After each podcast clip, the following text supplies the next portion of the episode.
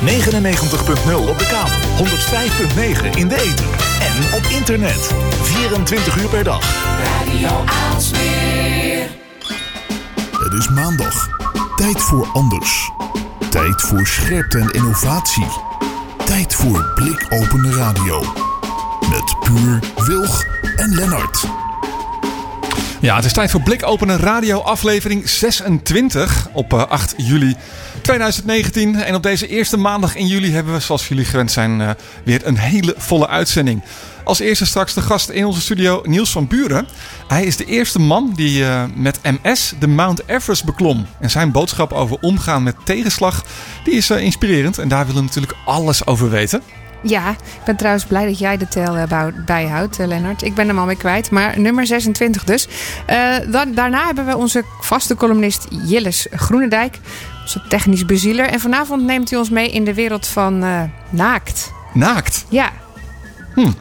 Ik, eh, ik vind hem heel spannend. Ik maar laat dan het in de zin hierbij. van sexting. En Ja, iets, Hm. bij iets dat de deep nude heet. oké, nou, cliffhanger. Annemaria kijkt verbijsterd. Ja, en dan hebben we uiteindelijk ook nog een, een toetje. Week van Wilgen ook waarschijnlijk. En ehm, ja, ons toetje is Hermaniak. De man van de tips en de tricks en de tools. En we hebben jou natuurlijk. Dus eh, praat mee. Dat kan op eh, Twitter met de hashtag Blikopenen Radio. Of gewoon Blikopenen Radio. En dan eh, luisteren we naar je. En dan eh, doe je gewoon lekker mee.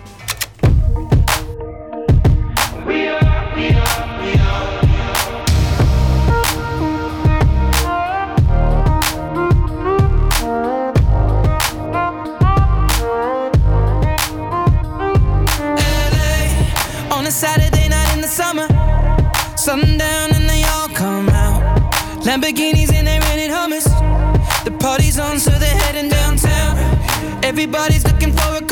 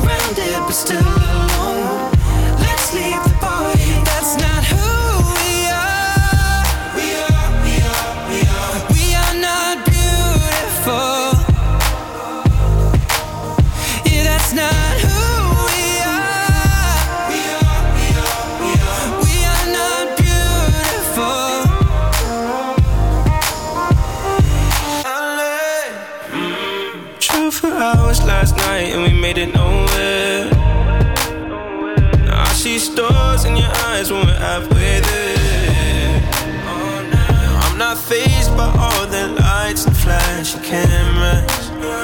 Cause with my arms around you, there's no need to care. We don't fit in well.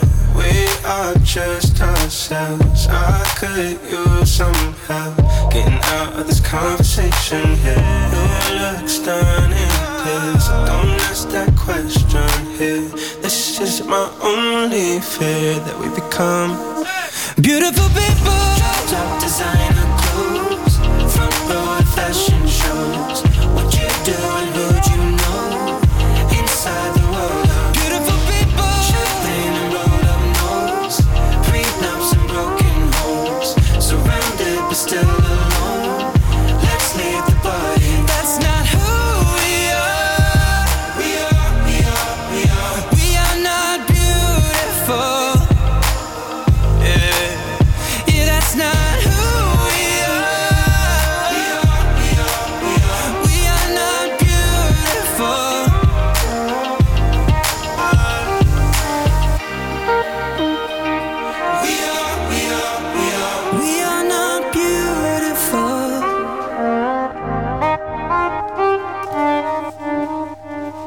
Ed Sheeran samen met eh, Khalid, Beautiful People.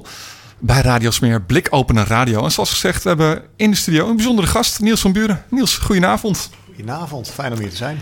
En wat een goede Welkom. videoclip is dit trouwens, jongens. Hebben jullie hem gezien van Ed Sheeran? Nog niet. Oh, die is fantastisch. Maar jij was eh, sowieso fan eh, van Ed. toch? Ja, ja, ja. Beautiful People. Het gaat Nee, om, dat eh, is van Melanie. Ook dat. Ja. Ja, maar dit, dit ook. Daar is het toch. Het liedje. Nou ja. Ehm, welkom Niels. Wat fijn dat je er bent. Ja, Man van de klok. Ja, precies. Op de valreep binnen. valreep ja. Wat fijn eh, dat je aanschuift. Ehm, zoals altijd beginnen we met eh, de mooie vraag. eh, wie ben je en wat doe je en eh, waarom doe je dat? Ja, ik ben eh, Niels van Buren. Dus eh, het klinkt net als een beetje alsof vroeger had je dat programma op tv. Weet je wel? Ben- Ik doe Woody Woodpecker nou of zo. ja, of eh, ja, wie van de drie? Ja, precies. Ja. Nee. Eh, ik ben sociaal ondernemer. Eh, een bedrijf dat eh, alleen maar mensen met autisme aanneemt. Eh, daarnaast eh, bergbeklimmer. En ik hou heel erg van uitdagingen. En eh, vooral grote uitdagingen. En, Ben je eh, getrouwd? Ik ben Dat is getrouwd, best ja. wel een uitdaging trouwens. Ja, ja. Ja, dat, ja, dat is af en toe ook een uitdaging. Maar eh, dat, dat vind ik Nog misschien wel de leukste, de leukste uitdaging. Is dat, ja. Ja, Ja, ja. ja, ja, Wat goed. Ja. En ehm, ja, je zegt waarom je het doet, dat zijn dus de uitdagingen. Dus je maakt het jezelf niet makkelijk. Nee, ik maak me zeker niet altijd makkelijk. Nee. En, ehm, maar het, eh, ik wil gewoon zien hoe ver ik kan komen eigenlijk. En hoe ver ik me, mezelf kan pushen. En me- wat ik kan bereiken. Ik denk dat dat wel een van mijn belangrijkste drijfveren is. Om, eh, ja. En was je dat ook al in de familie? Wat ben je de oudste, jongste? Ja, ik ben eh, de oudste. Ik heb een jongere broer. En ik weet niet of ik nou echt dat, dat altijd al ben geweest. Ik denk dat er ook wel het nodige veranderd is in mijn leven. Vanaf het moment dat ik ziek werd. En, maar wel, ik ben wel altijd ambitieus geweest. Ja, dat wel, ja. Nou, je zei op het moment dat ik ziek werd. ehm, en dat, dat is nou ja, een belangrijk eh, keerpunt of een belangrijke gebeurtenis geweest in je leven. Het, eh, dat heeft veel eh, veranderd. Ja, heel Ehm, veel, ja. Wanneer was dat? En, en hoe ziek werd je? Of wat?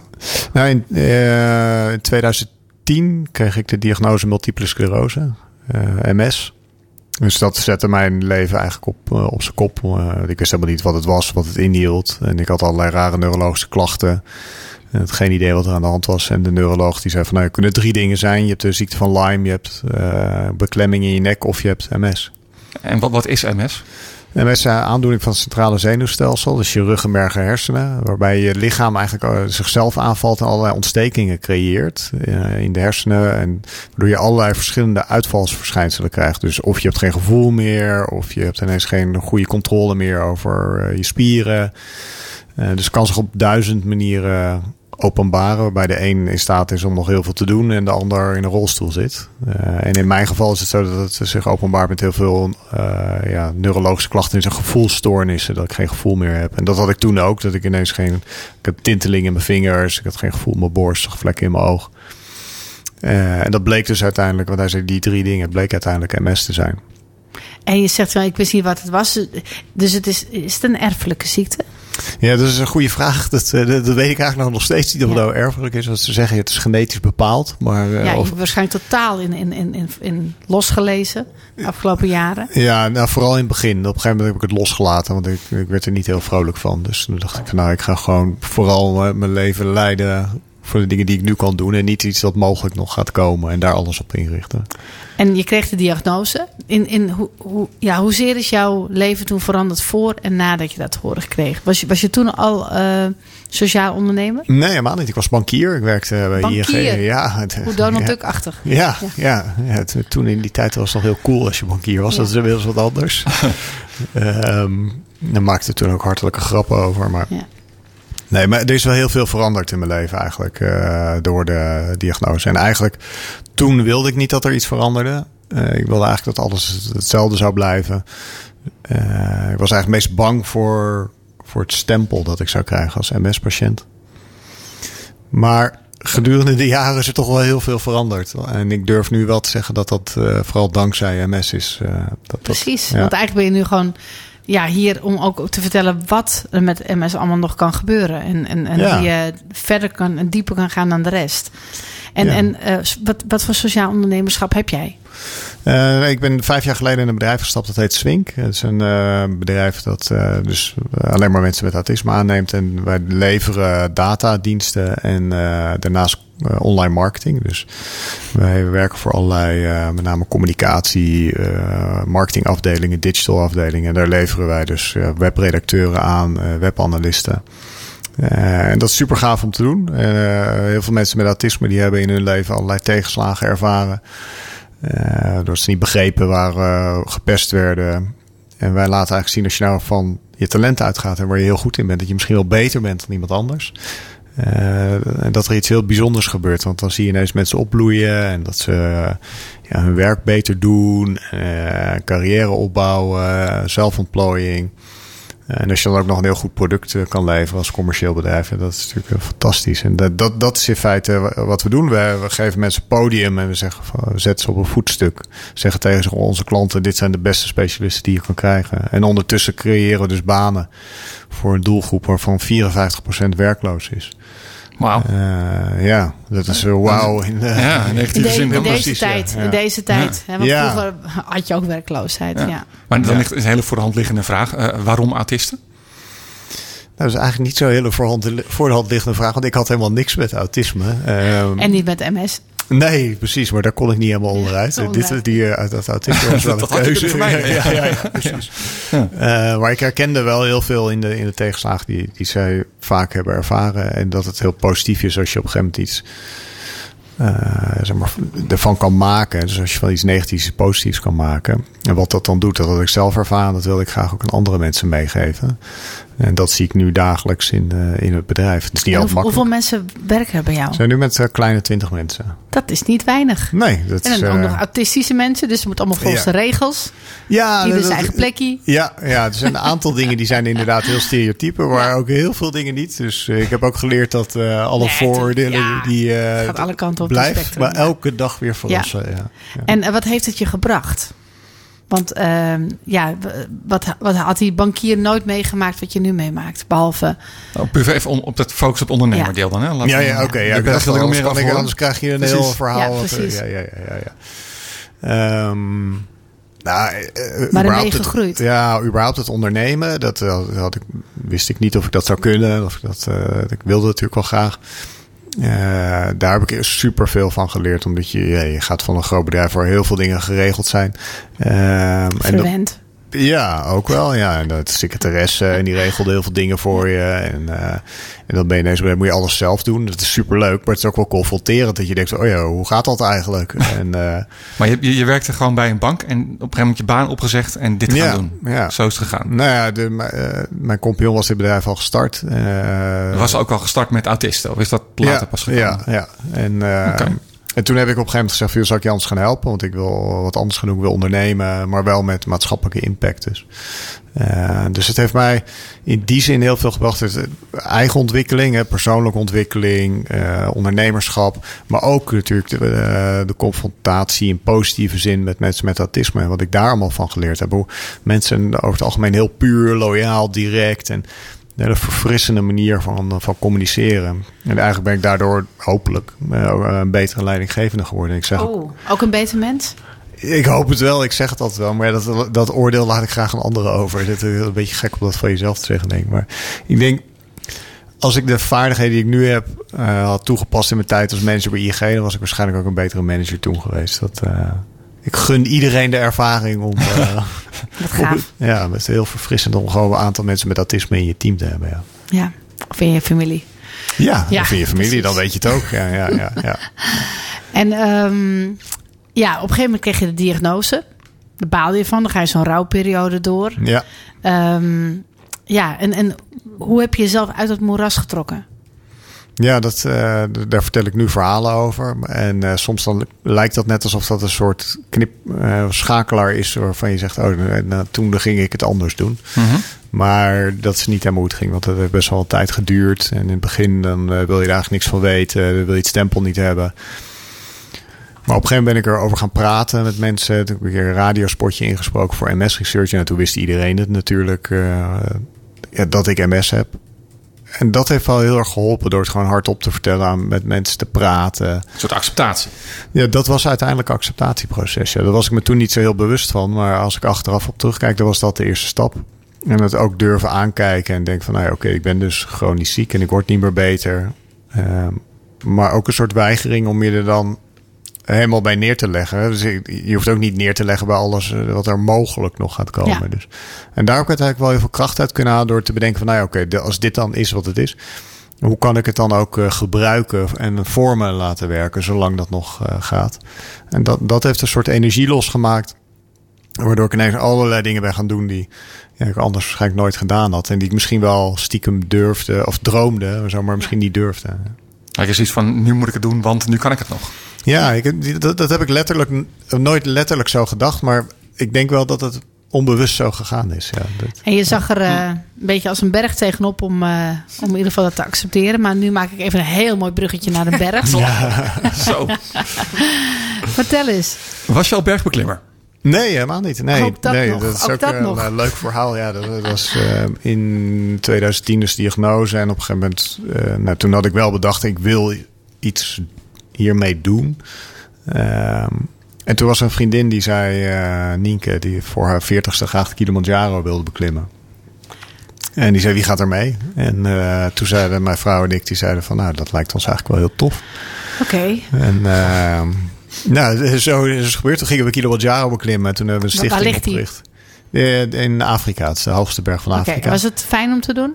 Eh, nou, ik weet niet of fijn nou helemaal het goede woord is. Want, eh, het is heel mooi. In het begin is heel leuk. En op een gegeven moment wordt het heel koud. En dan is het eh, afzien. En, eh, maar het was een Huilen. fantastische ervaring. Huilen. Hoe, hoe lang doe je daarover? We hebben er toen vijf dagen over gedaan naar de top. En twee dagen terug. Ah, roetje. Ja. ja Oké. Ja. Ja, dan ging we terug ging een stuk sneller. Ja, ja. Maar dat was mijn eerste jongens. ervaring. En toen, ik had nog nooit berg beklommen. En, en toen ben ik daarna gaan denken van wat zou er nog meer zijn. En toen een keer met een gekke bek van ja, Mount Everest de hoogste berg. Dan eh, misschien eh, kan ik dat wel doen. En wat zei je vrouw toen? Ik ga mee. Nou, die geloofde, die dacht waarschijnlijk van nou het zal wel. En, eh, is MS. ja, precies. Is aangetast. ja.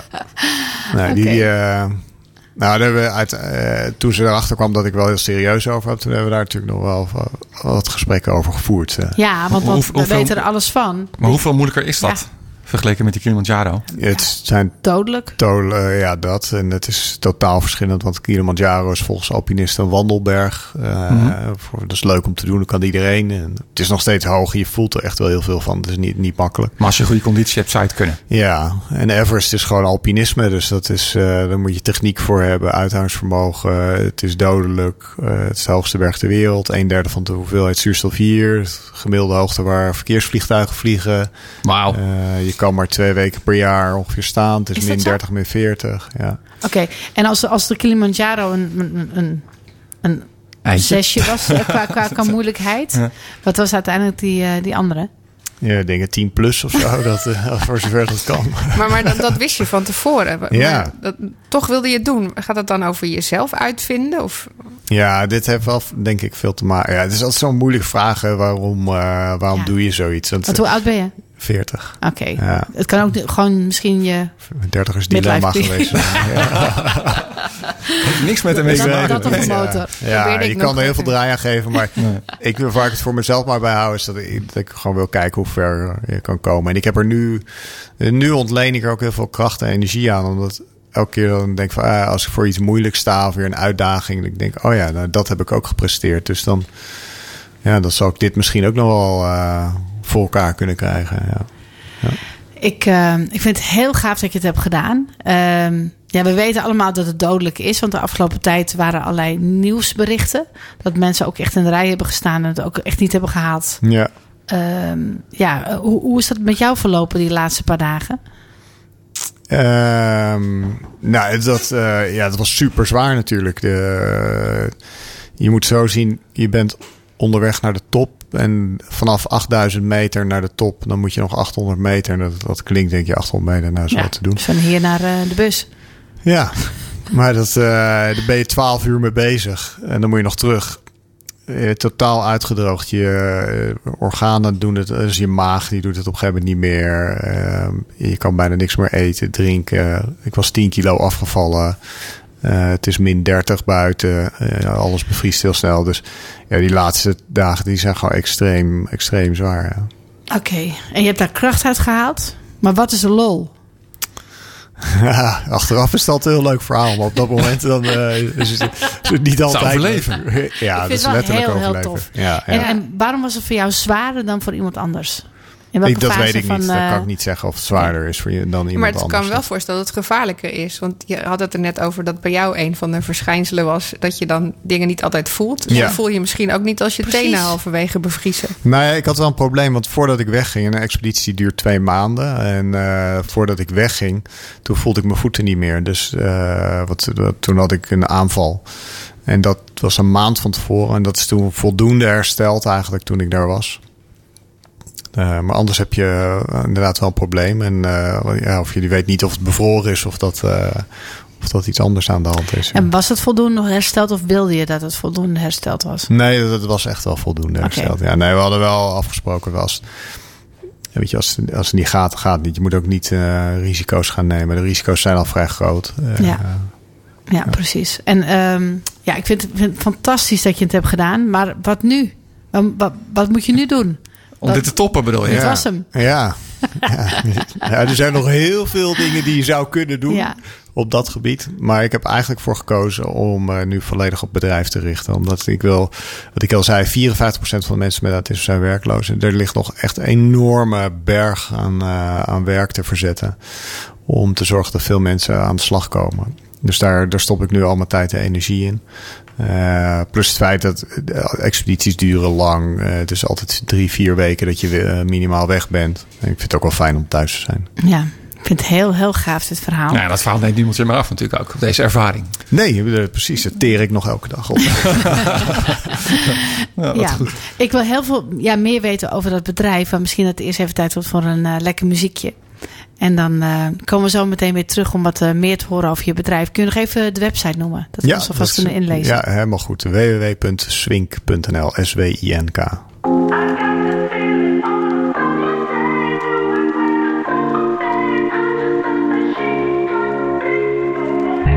She looks good in the morning, and she don't even know it. I don't want you to go yet. Can we stay in the moment? Don't look in the mirror, look into my eyes.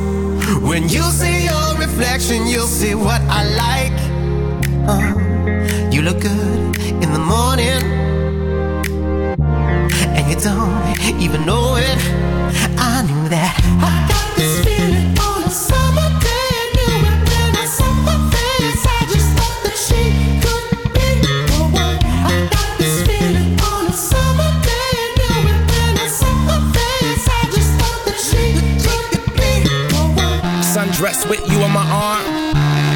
coupe out the garage, pull the roof back, just me, you, and the stars.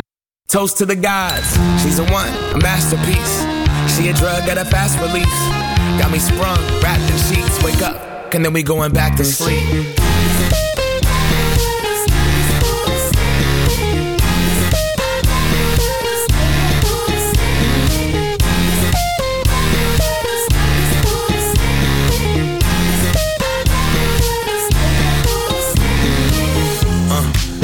On an island with the ocean color stuck in your iris. We comfortable in silence, but I prefer it when we wildin'. Sundress, nothing underneath as we undress. You could look in my eyes, see I'm some mess. Couple of broken people trying to complete each other under one breath. Don't look in the mirror, look into my eyes. When you see your reflection, you'll see what I like. You look good in the morning, even know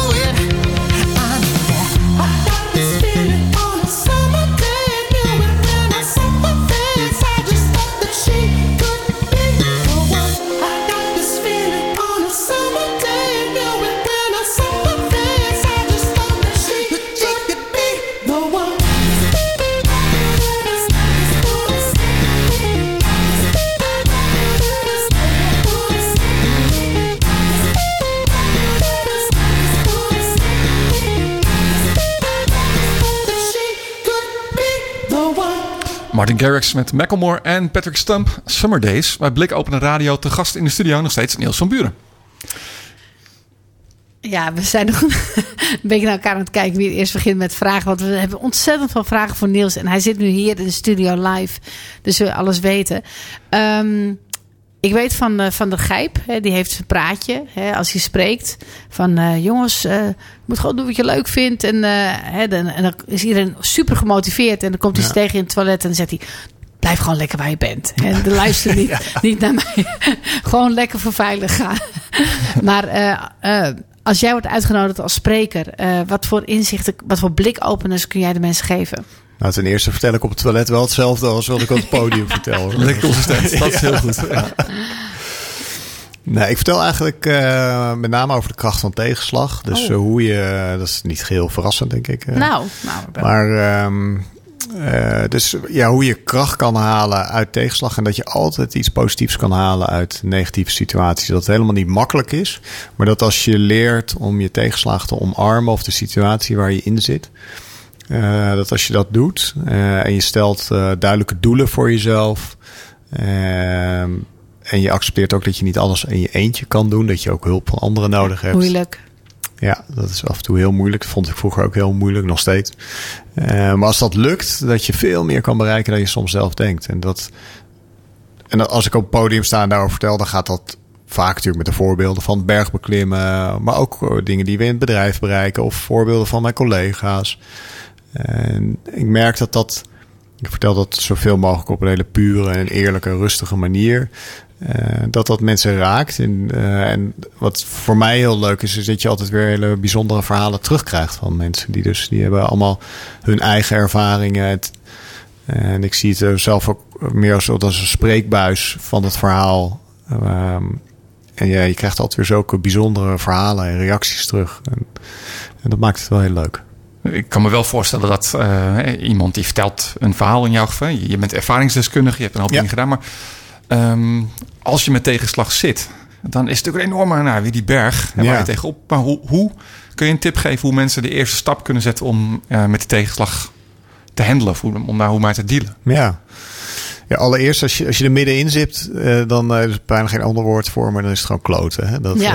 eh, Ja. En dat, dat is altijd zo. En achteraf is het altijd heel makkelijk om te zeggen van, oh ja, dan eh, dus, dus zo is het gegaan. En, en dan kijk je er met trots op terug. En als je de meeste mensen vraagt die tegenslag ervaren hebben, die zijn ook het meest trots op de momenten achteraf als ze, eh, wat ze toen bereikt hebben. Als je er middenin zit, ja, dan, eh, dan is het nooit leuk. Maar ik denk dat een van de eerste dingen is, ik vergelijk het vaak ook met onderwater houden van een bal. Hè. Dus als, je, als die bal je tegenslag is, dan probeer je dat weg te duwen en heel lang, maar niet aan te kijken. Maar stop je heel veel energie in. En op een gegeven moment ben je moe en dan kun je Ja. niet meer. Energie in het ontkennen van het probleem. Ja, ja, precies. Ja. En je kan hem ook boven water laten drijven. En op een gegeven moment kijken van ja, wat kan ik er eigenlijk mee? Dus het durven aankijken. Ik denk dat dat zou mijn belangrijkste tip zijn. Als ik heel eerste- mooi. Ja, En daardoor gebruik je de energie die je eigenlijk verspilt. ja die gebruik, negeren, die gebruik je om om naar voren te om gaan. naar voren te gaan. Ja, ja. Dus in plaats ja. van terug te blijven kijken en Ja. op het negatieve te blijven hangen, hè, wat heel veel mensen natuurlijk doen, Ja, zeg je eigenlijk van, nou, maar gebruik die energie nou om verder te komen. precies. Ja. Ja. Het is een metafoor, maar voor mij werkt het heel goed. En ik merk dat heel veel mensen, als je het vertelt, dat daar ook goed op reageren. En ook zoiets hebben van ja, zo is het ook. En het, nogmaals, het is niet makkelijk. Maar als je dat lukt, als je die, stap kan maken. eh, dan kun je ook langzaam gaan bedenken van nou, wat wil ik er dan uiteindelijk mee? En hoe kan ik dan vooruitkomen? En, en wat zijn er nog dingen die ik graag in mijn leven wil bereiken? En dat hoeft niet Everest beklimmen te zijn. Maar er- het kan ook zijn van nou, ik heb een bepaalde hobby. Of ik wil er ergens heel goed in worden. Of ik wil nog Ja. graag met mijn kind op reis. Of eh, ik noem maar wat. Maar Ja. iedereen heeft wel iets dat hij wil bereiken. En helpt dat aan het maken van lijstjes of zo? Of hoe werkt dat dan? Ja, vast. Het, ge- geen Ah. Voor iedereen wel, Ja, eh, dat denk ik ook. ja. Ja, ja, voor- Ja. Ik maak graag lijstjes. Maar eh, dat... eh, Wat was eh, het dieptepunt toen eh, je te horen kreeg? Dat je dat, wat, wat, eh, en hoe, hoe lang heb je dat gehad?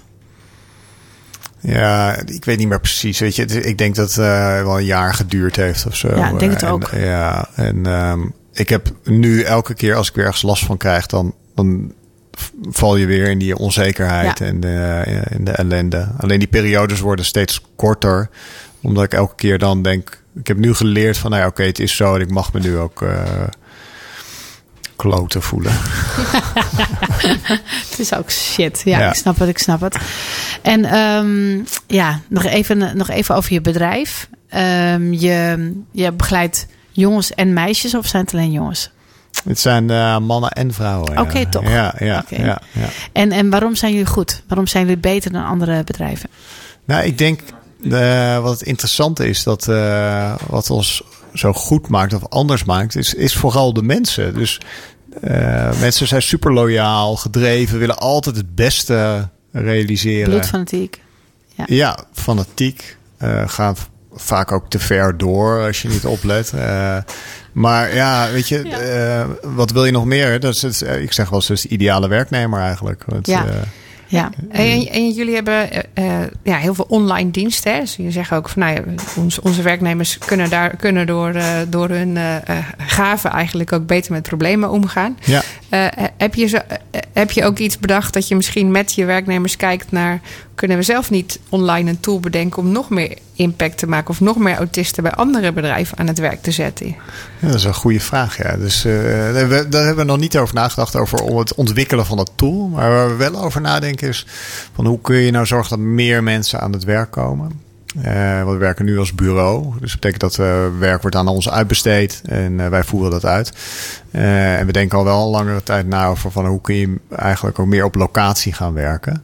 Maar dat betekent dat je mensen heel goed moet begeleiden en dat je de opdrachtgever ook goed moet begeleiden. Van hoe ga je dan met iemand met autisme om en hoe haal je het maximale er samen uit. Ja. Eh, dus dat is wel een manier om meer impact en meer mensen aan het werk te krijgen. En als daar software zou bij, bij zou kunnen helpen, dan eh, hoor ik graag je ideeën. Ja. Dus, Ja, dat lijkt, dat lijkt me nou zo'n mooie combinatie. Ja. ja, ja, mag jij ontzettend bedanken voor dit fantastische verhaal. En heel ik, graag eh, gedaan. Jullie bedankt voor de ja. uitnodiging. Het was heel prettig. Als mensen jou willen volgen online, hoe kunnen ze dat doen? Eh, via social media of uh, www.nielsvanburen.nl of www.swink.nl. Eh, allerlei verschillende mogelijkheden. Helemaal goed, mooi. Nou, dankjewel. Ehm tijd voor onze volgende columnist. Ja, Na- eh, naadloos zou ik bijna willen zeggen eh, weer. gaan we hem niet zeggen. Eh, nee, we schakelen door naar eh, onze vaste columnist eh, Jilles. Jilles Groenendijk of eh eh, Jilles eh, op, eh, op Twitter. Onze technisch bezieler. Precies. Jilles. Jillis underscore kom. Want Oh. Jillis is iemand anders. Oké, Jill- Jilles underscore com zonder... Sorry eh, Jilles, anders vinden Maakt ze niet de uit. verkeerde op Twitter. Eh, jij had een heel interessante eh, column vandaag. Dus ik zou zeggen... Brandlos. Ja, Gaat-ie. Het is zondagmiddag, een week geleden. De jongens maken aanstalten om Dungeons and Dragons sessie voor te bereiden. Ik ben druk bezig met het hacken van Bluetooth. Het is een Bluetooth Low Energy Capture the Flag. Een puzzeltje waarin je punten moet halen en kennis opdoet over in dit geval Bluetooth. De kinderen vragen wanneer ik klaar ben. De gasten komen zo en dan moet de tafel zeker leeg zijn. Ik voel me gesterkt door deze nieuwe kennis die ik net heb opgedaan over Bluetooth. Want in tegenstelling tot de meeste van mijn collega's die gestudeerd hebben, moet ik het vooral hebben van mijn praktische kennis. Ik voel me opgejaagd, want de vaat moet nog en de bars en de boodschappen, maar de winkels die zijn bijna dicht. En ook ben ook wat verdrietig, want mijn karaoke set, waar ik eh, jarenlang plezier van heb, is nu eindelijk kapot. Eh, maar eh, het meest ben ik geïrriteerd omdat ik gisteren met Jelle en Jure op Tomover een nummer wilde zingen bij de karaoke. En de persoon in charge had ons lievelingsnummer niet. En was ook niet van plan om een populair nummer als In The End van Linkin Park te draaien. Maar bovenal heb ik het verschrikkelijk warm. Het is echt niet meer te houden. Het is maar goed dat ik mijn plekje heb afgestaan aan iemand anders. Maar goed, ik heb nog geen idee waar mijn column van maandag over moet gaan. Ik vraag het op Twitter. Victor reageert. De risico's van deepfakes en het herkennen van fake nieuws. Ik geef aan dat ik er niets van weet en dat we dan moet gaan onderzoeken. Helemaal niets klopt ook niet. Ik weet er wel iets vanaf, maar niet genoeg voor een column. Zo zijn er verschillende programma's en appjes waarmee je levensecht fake video's en audio's kan maken. Zo heb je Face App, waarmee je ouder kunt worden, zagrijnig kunt laten lachen of zelfs van geslacht kunt veranderen. En er is Deepface Lab, eh, waarmee je levensecht fake video's kunt maken. Deze software is eh, gebaseerd op Fake App, die op zijn beurt weer is gebaseerd op Fa- eh, Face App. Software dat in opspraak raakt en dan weer vervangen wordt. Ehm, naast Even kijken. Eh, naast valse informatie eh, wordt, eh, worden dit soort tools ook gebruikt om iemands hoofd op het lijf van een pornoacteur of actrice te, te plaatsen. En voor je het weet sta je dan als mainstream acteur of, ac- actrice met seksfoto's of video's op het internet. Afgelopen week is er een nieuw dieptepunt opgedoken. De Deep Nude app. Waarmee je iemand met kleren aan kunt omtoveren tot iemand die naakt is. De app die voorzien is van een watermerk, maar je voor 50 dollar eh, eh, niet van echt te onderscheiden kunt maken, is een simpel appje waarmee je iemands leven kunt verwoesten. Gelukkig is deze app alweer offline, maar ik realiseer me ook dat het niet lang zal duren voordat er weer een andere app opduikt. Laatst was er een student in Duitsland die het een prima idee leek om te bepalen of dat vrouwen overspelig waren. Door social media gezichten te matchen met online pornovideo's. Van 100.000 vrouwen was al een match gevonden. Eh, inmiddels is onder internationale druk dit project gestopt. Dit zijn voorbeelden van manipulatiesoftware. Maar ook de foto's van sexting, het delen van naaktfoto's van jezelf, die in verkeerde handen eh, eh, vallen, worden altijd gezien als schuld van het slachtoffer. Dan had je maar niet een foto van jezelf moeten delen met je partner. Maar dat die hufte van een ex-vriend uit wraak alle intieme foto's deelt zonder toestemming, is kennelijk helemaal prima.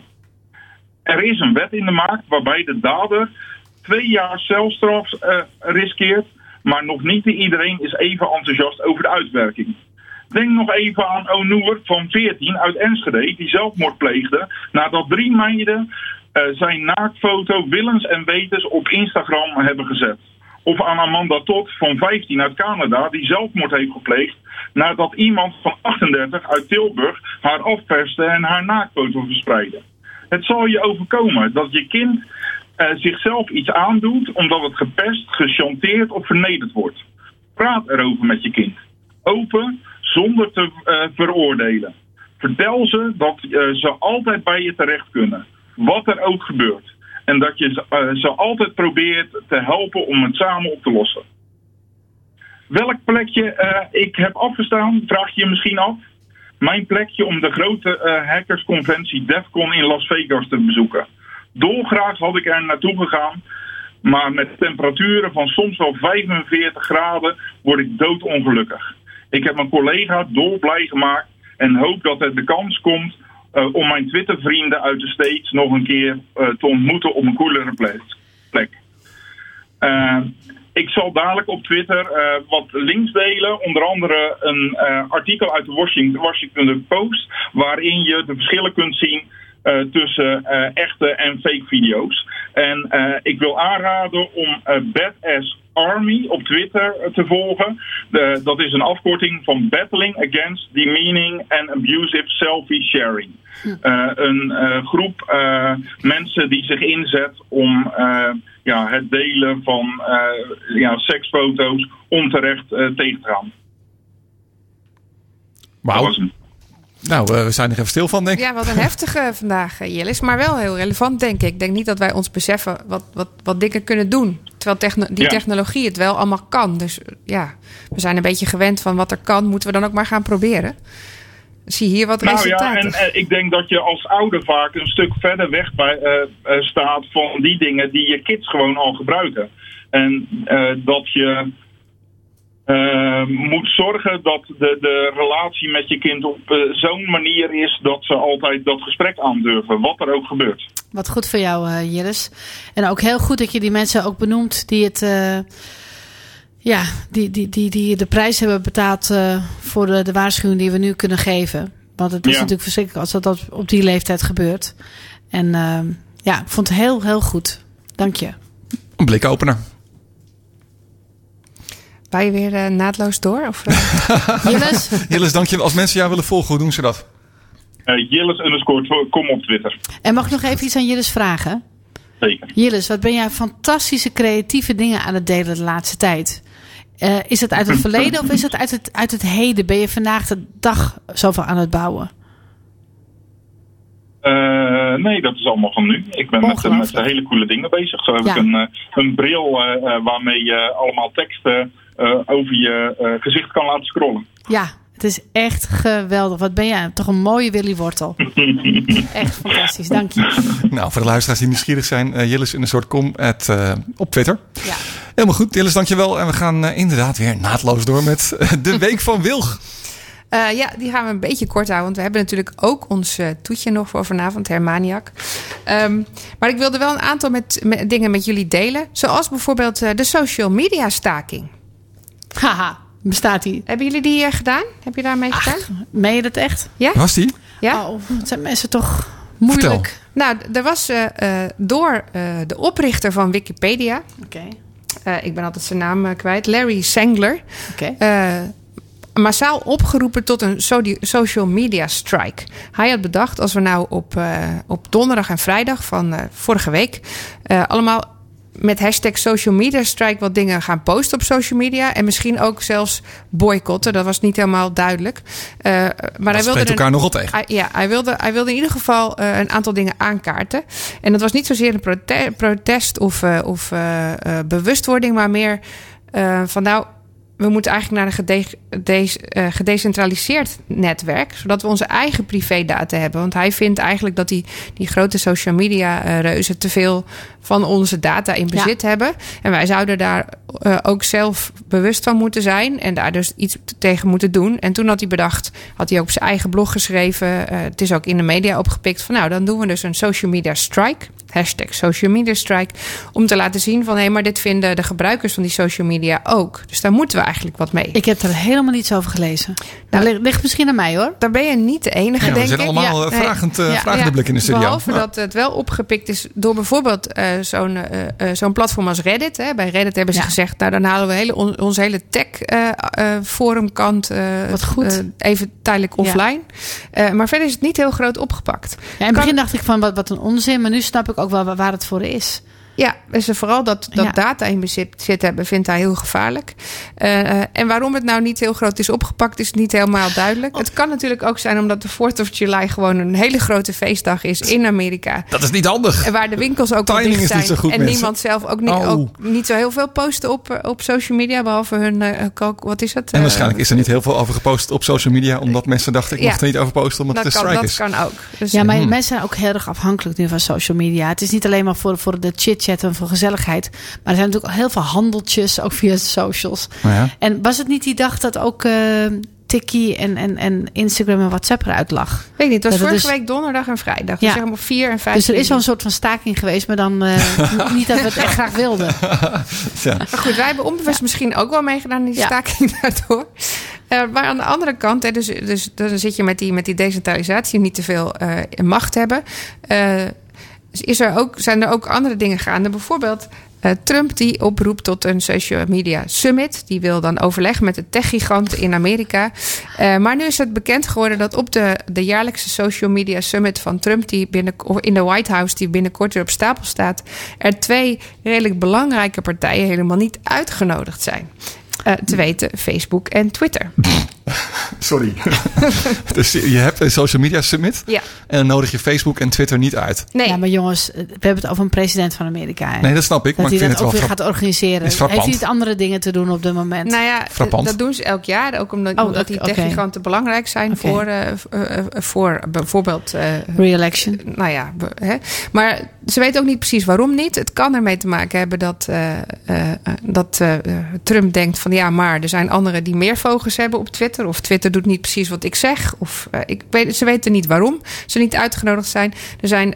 Het is ook niet helemaal duidelijk wie er dan wel uitgenodigd is. Er is- zijn wel allemaal speculaties dat er dan wel weer platforms over, uitgenodigd zijn die, Niet. die eh, ja, een beetje in, in het boekje van Trump spelen. Dus het eens zijn met zijn eh, eh, een beetje homofobisch-achtige uitlatingen. of eh, veel meer pro-Trump zijn.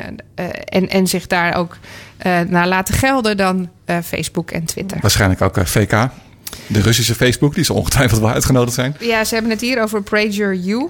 eh, Oh, een of andere die foundation niet. die dan, die dan inderdaad weer een beetje meer naar de kant van Trump praat. Of Fox News eh, dan anderen. Dus, maar dat is nog niet helemaal duidelijk. Dat is Waarschijnlijk speculatie. allemaal voorbereidingen voor de re-election, jongens. Maar voor dat de het, eh, het is in ieder geval heel Ja. hilarisch dat eh, Facebook en eh, Twitter niet uitgenodigd zijn Ja. bij die social Ja, dat viel jou media. op. Ja.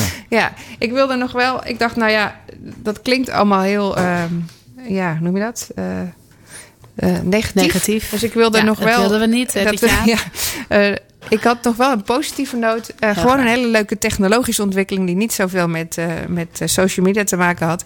Ehm, maar wel heel erg geïnvesteerd wordt door invest- investeerders uit de tech scene. Dus bijvoorbeeld eh Bezos eh, ehm, en Bill Gates. Die investeren in een nieuw project. Dat zijn zonnepanelen. En dat zijn zonnepanelen die er uit de lucht eh, water kunnen filteren. Dus die, die, die filteren eh, de Ja. waterdeeltjes uit de lucht. En dit slaan ze op. En daardoor kunnen ze eigenlijk eh, schoon water opwekken. Wat heerlijk voor mensen. En dat is een Want dat waanzinnig gaat- dat is groot echt project. heel belangrijk ook voor de Ja. toekomst. Want we gaan het niet Zonnepanelen die allen. water uit de lucht halen. Ja, Ja. Eh, en daar is heel groot in, geïnvesteerd door Bill Gates en eh, Jeff Bezos. En ik vind het wel wel leuk dat die tech-mensen dan ook weer in dit soort projecten hun geld stoppen. Eh, want, ik- want ik denk dat ja, dat, dat pas echt gaat eh, Ja. bijdragen aan de impact eh, op de wereld. Wat heerlijk. Ja, klein, klein beetje nog. Ja? Weten Ja. jullie nog eh, dat we het vorige keer hadden over de Libra, de, de, Ja. de, bit, of de, de currency Facebook, die Facebook, wil ja. eh, introduceren? Ja. Daar is de Europese bank nogal van geschrokken. En die zeggen, ja, dat is leuk dat Facebook nu wel voor de Amerikaanse staat moet komen. Maar we willen natuurlijk niet maar zomaar ongereguleerde dingen hebben in ons financiële Ja. systeem. Maar dan moeten wij misschien ook wat aan doen. Want wij kunnen niet snel eh, ergens op reageren. Dus het moet gereguleerd worden. Maar dan moeten wij ook sneller daar iets mee doen. Eh, en dat hebben ze nu aangekondigd. Dat is de hand in eigen boezem. Protectionisme, ja. Dus ik ben benieuwd. Hm. Dankjewel Wilg. Dit was weer eh, verhelderend, positief en negatief. Heerlijk. Ja, ik hoor al een kuchje op de achtergrond van ons eh, nou, toetje van de week, altijd. Eh, Herman Kouwberg, Hermaniak, goedenavond. Goedenavond. Hey Herman. Ja, bomvolle uitzending weer. De muziek schiet er een klein beetje bij in, maar eh, Dan praat ons bij. zullen we maar gelijk van start gaan. Precies. Eh, er schijnt eh, nogal gehandeld te worden in eh, verificaties op Instagram. En het feit dat er in gehandeld wordt, klinkt al gelijk een beetje fout. En dat is het namelijk ook, want je kunt een verificatie kun je nooit en te nimmer kopen. Maar er zijn dus op Instagram een hele hoop scammers bezig die net doen je de, de beroemde en eh, veel geliefde blue tick kunnen, kunnen geven. Eh, maar dat is dus niet waar. Eh, de- ik- zal nog, eh, voor, voor de handigheid zal ik nog even eh opzommen wat je als je op Instagram geverifieerd wil worden moet doen. Dan eh, ga je naar je account. En eh, daar vind je op een gegeven moment eh, eh, in de settings vind je eh, de optie onderin request verification. Ja. Nou, als je dat doet, dan eh, moet je aan een aantal voorwaarden voldoen. Je moet bijvoorbeeld... eh, Cupmaat, denk ik. Cupmaat. ja, cupmaat sowieso. Nee, dat gaat er eigenlijk aan vooraf. Eh, je moet eh, onderscheidend zijn. Dus je moet eh, niet iets nadoen. Dat is, bij, bij influencers is dat nogal moeilijk. maar oké, die, die, die mogen dan met meerdere er zijn. Je moet echt zijn. en je, je moet, dat is een dingetje wel, waar een hele hoop mensen niet aan denken. Je moet meer dan 10.000 volgers hebben om te beginnen. Dus als je minder dan 10.000 volgers hebt, dan hoef je er eigenlijk al niet aan te beginnen. En Zo gekocht. de hele hoop mensen die willen dat toch en die denken dan eerst volgers te kopen en eh, het vervolgens aan te vragen. Dat werkt allemaal niet. eh. dus eh, denk je dat je ervoor in aanraking kunt komen, dan weet je nou in ieder geval hoe je het echt kunt aanvragen. Dat is de enige echte manier.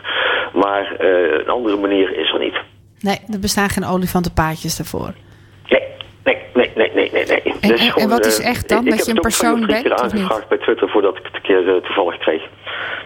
Eh Hermaniak, wat is, wat, is, wat is echt? Gewoon dat je een echt persoon bent? Of moet, moet je nog meer bewijs kunnen Rijbewijs overleggen? Ja, je moet, eh, je moet op een gegeven moment eh, moet je zelfs een foto eh, meesturen van eh, een kopie van je ID of eh, je rijbewijs of iets dergelijks. Maar eh, je moet dus echt bewijs, wel bewijs meesturen. En jij hebt- pas jij hebt een vinkje, Her- Herman? Want die, als je zo'n bewijs stuurt naar die scammers, dan voor je het weet vragen ze ook je creditcardnummer Precies, en eh, dan heb je nog meer poppen aan het dansen. Ja. Maar heb jij een vinkje, zei je dat? Ja, op Twitter. Oei, oei, oei, oei. Ja, Ja. Het, doet me een beetje denken aan de tijd van Luther dat je een aflater moest kopen. Mensen willen altijd gewoon eerder in de, in de hemel komen. Hier, ben, ja, hier dus de, de Instagram weer op, of de hemel. Ik heb net gisteravond, eh, maar dat is helemaal besides the point, die, die serie eh, van de VPRO op eh, Nederland 2 over, dus een Belgische fotojournalist die in India rondtrekt om te kijken hoe mensen begraven worden. En dan, dan zie je dat dat, dat cultuurverschil echt enorm is en kan zijn. Wat voor ons echt totaal absurd is, zoals de doden weer opgraven en van nieuwe kleding voorzien en Ja. mee op de foto gaan en Ja. dergelijke. Is ook wel onderscheidend op Instagram, denk ik. Is ja. ook wel onderscheidend op Instagram, ja. Maar als je dat soort eh, dingen interessant vindt, Ja, dan eh, kun je, als je op Twitter zit, kun je, en eh, wij, wij pro's, zeg ik even, gebruiken natuurlijk allemaal TweetDeck. Wie van jullie gebruikt geen TweetDeck? Ik, want iedereen heeft die zo. ik Nee, twitter Ja. niet meer zo vaak de laatste tijd. Dus Nee. ik doe alleen nog maar via de Twitter-app. Maar, maar vertel, Oh, in, in, TweetDeck zit iets bijzonders. Nou, TweetDeck is eh, voor, eh, zakelijke gebruikers een vrij handige tool, omdat je daarin meerdere kolommen kunt maken met verschillende zoekopdrachten en dergelijke. Maar je kunt ook eh, trending zoekopdrachten eh, kun je, kiezen als kolom, als je een nieuwe kolom opmaakt. En daar hebben ze een handigheidje vroeger, als je een aantal trending topics wilde volgen, dan moest, had je echt 20 of 30 van die zoekopdrachten. Zeker journalisten hadden daar nog wel eens last van. Maar nu kun je tot eh, 20 trending topics combineren in één zoekopdracht. Wel, dus dan zie je wel als er iets ontstaat en wat er eh, gebeurt, maar dan eh, hoef je niet met 20 verschillende ko- eh, kolommen met 20 Oh ja. verschillende onderwerpen te Ja. doen. Dus je krijgt een soort trending timeline eh, op die manier. leuk. Leek, leek me wel handig om even te vermelden. Ja, ja, ja. Eh, als je op personen zoekt in eh, Twitter, dan is- zul je er sinds eh, dit weekend iets nieuws eh, kunnen tegenkomen. Eh, eh, zeg maar in de Twitter-app en eh, op twitter.com, als je dan eh, in het zoekveld eh, begint te typen, dan net zoals bij Google begint hij ja. alvast aan te vullen. dat zag ik. En eh, op die manier probeert hij ook accounts aan te bieden die eh, relevant zijn voor waarop jij op dat moment eh, over begint te twitteren. En heel toevallig zag iemand, en ja, dus ging, ja, dus eigenlijk echt een toeval. Hij, de gebruiker heette Rasta, maar ik was het niet. Die ontdekte van, hé, hey, wat, zie ik nou? Die, die zag bij de gebruikers die aanbevolen werden, hoeveel tweets ze in de afgelopen tijd verstuurd hadden. Dus kun je ook zien of iemand heel Of veel tweet of of nooit tweet of zelden Ja, tweet. eh, wat leuk. Of veel te veel tweet, zou ook Ja, nog kunnen. precies. Ja, te veel is even, een kleine handigheidje als je eh, op zoek wilt naar eh, nieuwe dingen. En Hermaniak, Ja. wat is jouw favoriete kanaal eh, op de socials? Ja, Twitter. Nog steeds en waarom? Want ik, ik, ik zie allemaal mensen in nee schudden. Nou, eh, Twitter is al, altijd het, het hier en nu. Eh, Ik weet niet of jullie voetbal gekeken hebben afgelopen eh, Ja. dagen, Half, ja. weken. Nou, dat was ook op Twitter was dat weer, eh, ja, wa- was gewoon hartstikke mooi. Ik, ik heb op een gegeven moment, eh, zeker eh, bij wedstrijden van het Nederlands elftal, volgde ik de officiële hashtag van, ja, ik weet wel dat wij heel erg enthousiast waren over Ja. Nederland. En ik weet ook wel dat de Amerikanen heel erg enthousiast waren over de Amerikanen. Maar ik vond het nou eens leuk om ook te kunnen zien hoe Australiërs Oh, erover leuk. dachten. Of, Ja. of, of, of mensen in, in Frankrijk Ja, of Polen. dat is uniek. Wat die mooi. hadden het ook over die wedstrijd. Ja. En die staan er iets verder vanaf. Ja, maakt de wereld kleiner. Leuk. Ja. Mooi. Ik, ik eh, was nog even aan het kijken of ik dat kon vinden. Hè, van eh, hoe vaak ze dan hebben getweet. Maar dat, dat kan ik niet heel erg vinden. Wat ik wel heb is, eh, is een, eh, een, een pop-up die zegt sneak a peek at the new Twitter. Nog een keer? Ja, sneak a peek at the new Twitter. Dus ik, Ja, er- is, er- dan, als je daar eh, op klikt, dan krijg je de nieuwe variant van Twitter. Ja, nieuwe dashboard. Het ziet er Ja. best wel cool uit. Nieuwe eh, profielpagina. En die heb jij natuurlijk al geprobeerd. Nee, ik heb hem nog niet. Oh. Ik, ik heb hem Oh, wel. eh, eh, ik, ik zeg het nou wel, maar ik heb hem wel. Ik heb Het ziet er heel gaaf uit, jongens. anderhalf uur nog niet gekeken. Ja. Oké, het laatste, Nee, ik heb- want dan is het Ja, het laatste, eh, voor, de mensen die eh, Twitter zakelijk inzetten, of wel eens voor de lol, voor een vereniging of iets dergelijks. We kennen allemaal de doe mee en win eh, acties en eh, dat je dan een retweet moet doen. Ja, Eh, maar ja, wie, wie laat je dan winnen? familie. Ja. Daar moet je gaan kijken. En waar is de notaris als je nodig hebt? eh, objectief zijn. Ja. Nou, voor, Ja. voor die mensen die dat eh, willen doen, is dan eh, vanaf nu luckyretweet.co, dus zonder de M erachter. Oké. En daarin eh, kun je de eh, link naar de oorspronkelijke tweet kun je plaatsen. En dan eh, kun je zeggen van, nou, hoeveel winnaars eh, wil ik kiezen? En dan zeg je draw en dan krijg je de winnaars eh, zo Nou, voor geschoteld. Kun Daar je er gewoon- een screenshotje van maken en laten zien dat je eerlijk bent. En daar zit een notaris achter natuurlijk. Nee, er, Ja, zit, een, Robert. er zit een app achter. Wat er, zit een er, zit gewoon een randomizer achter, denk ik. Wat Maar het is heerlijk. door een paar developers gemaakt. Wat een uh, Voor, voor de mensen.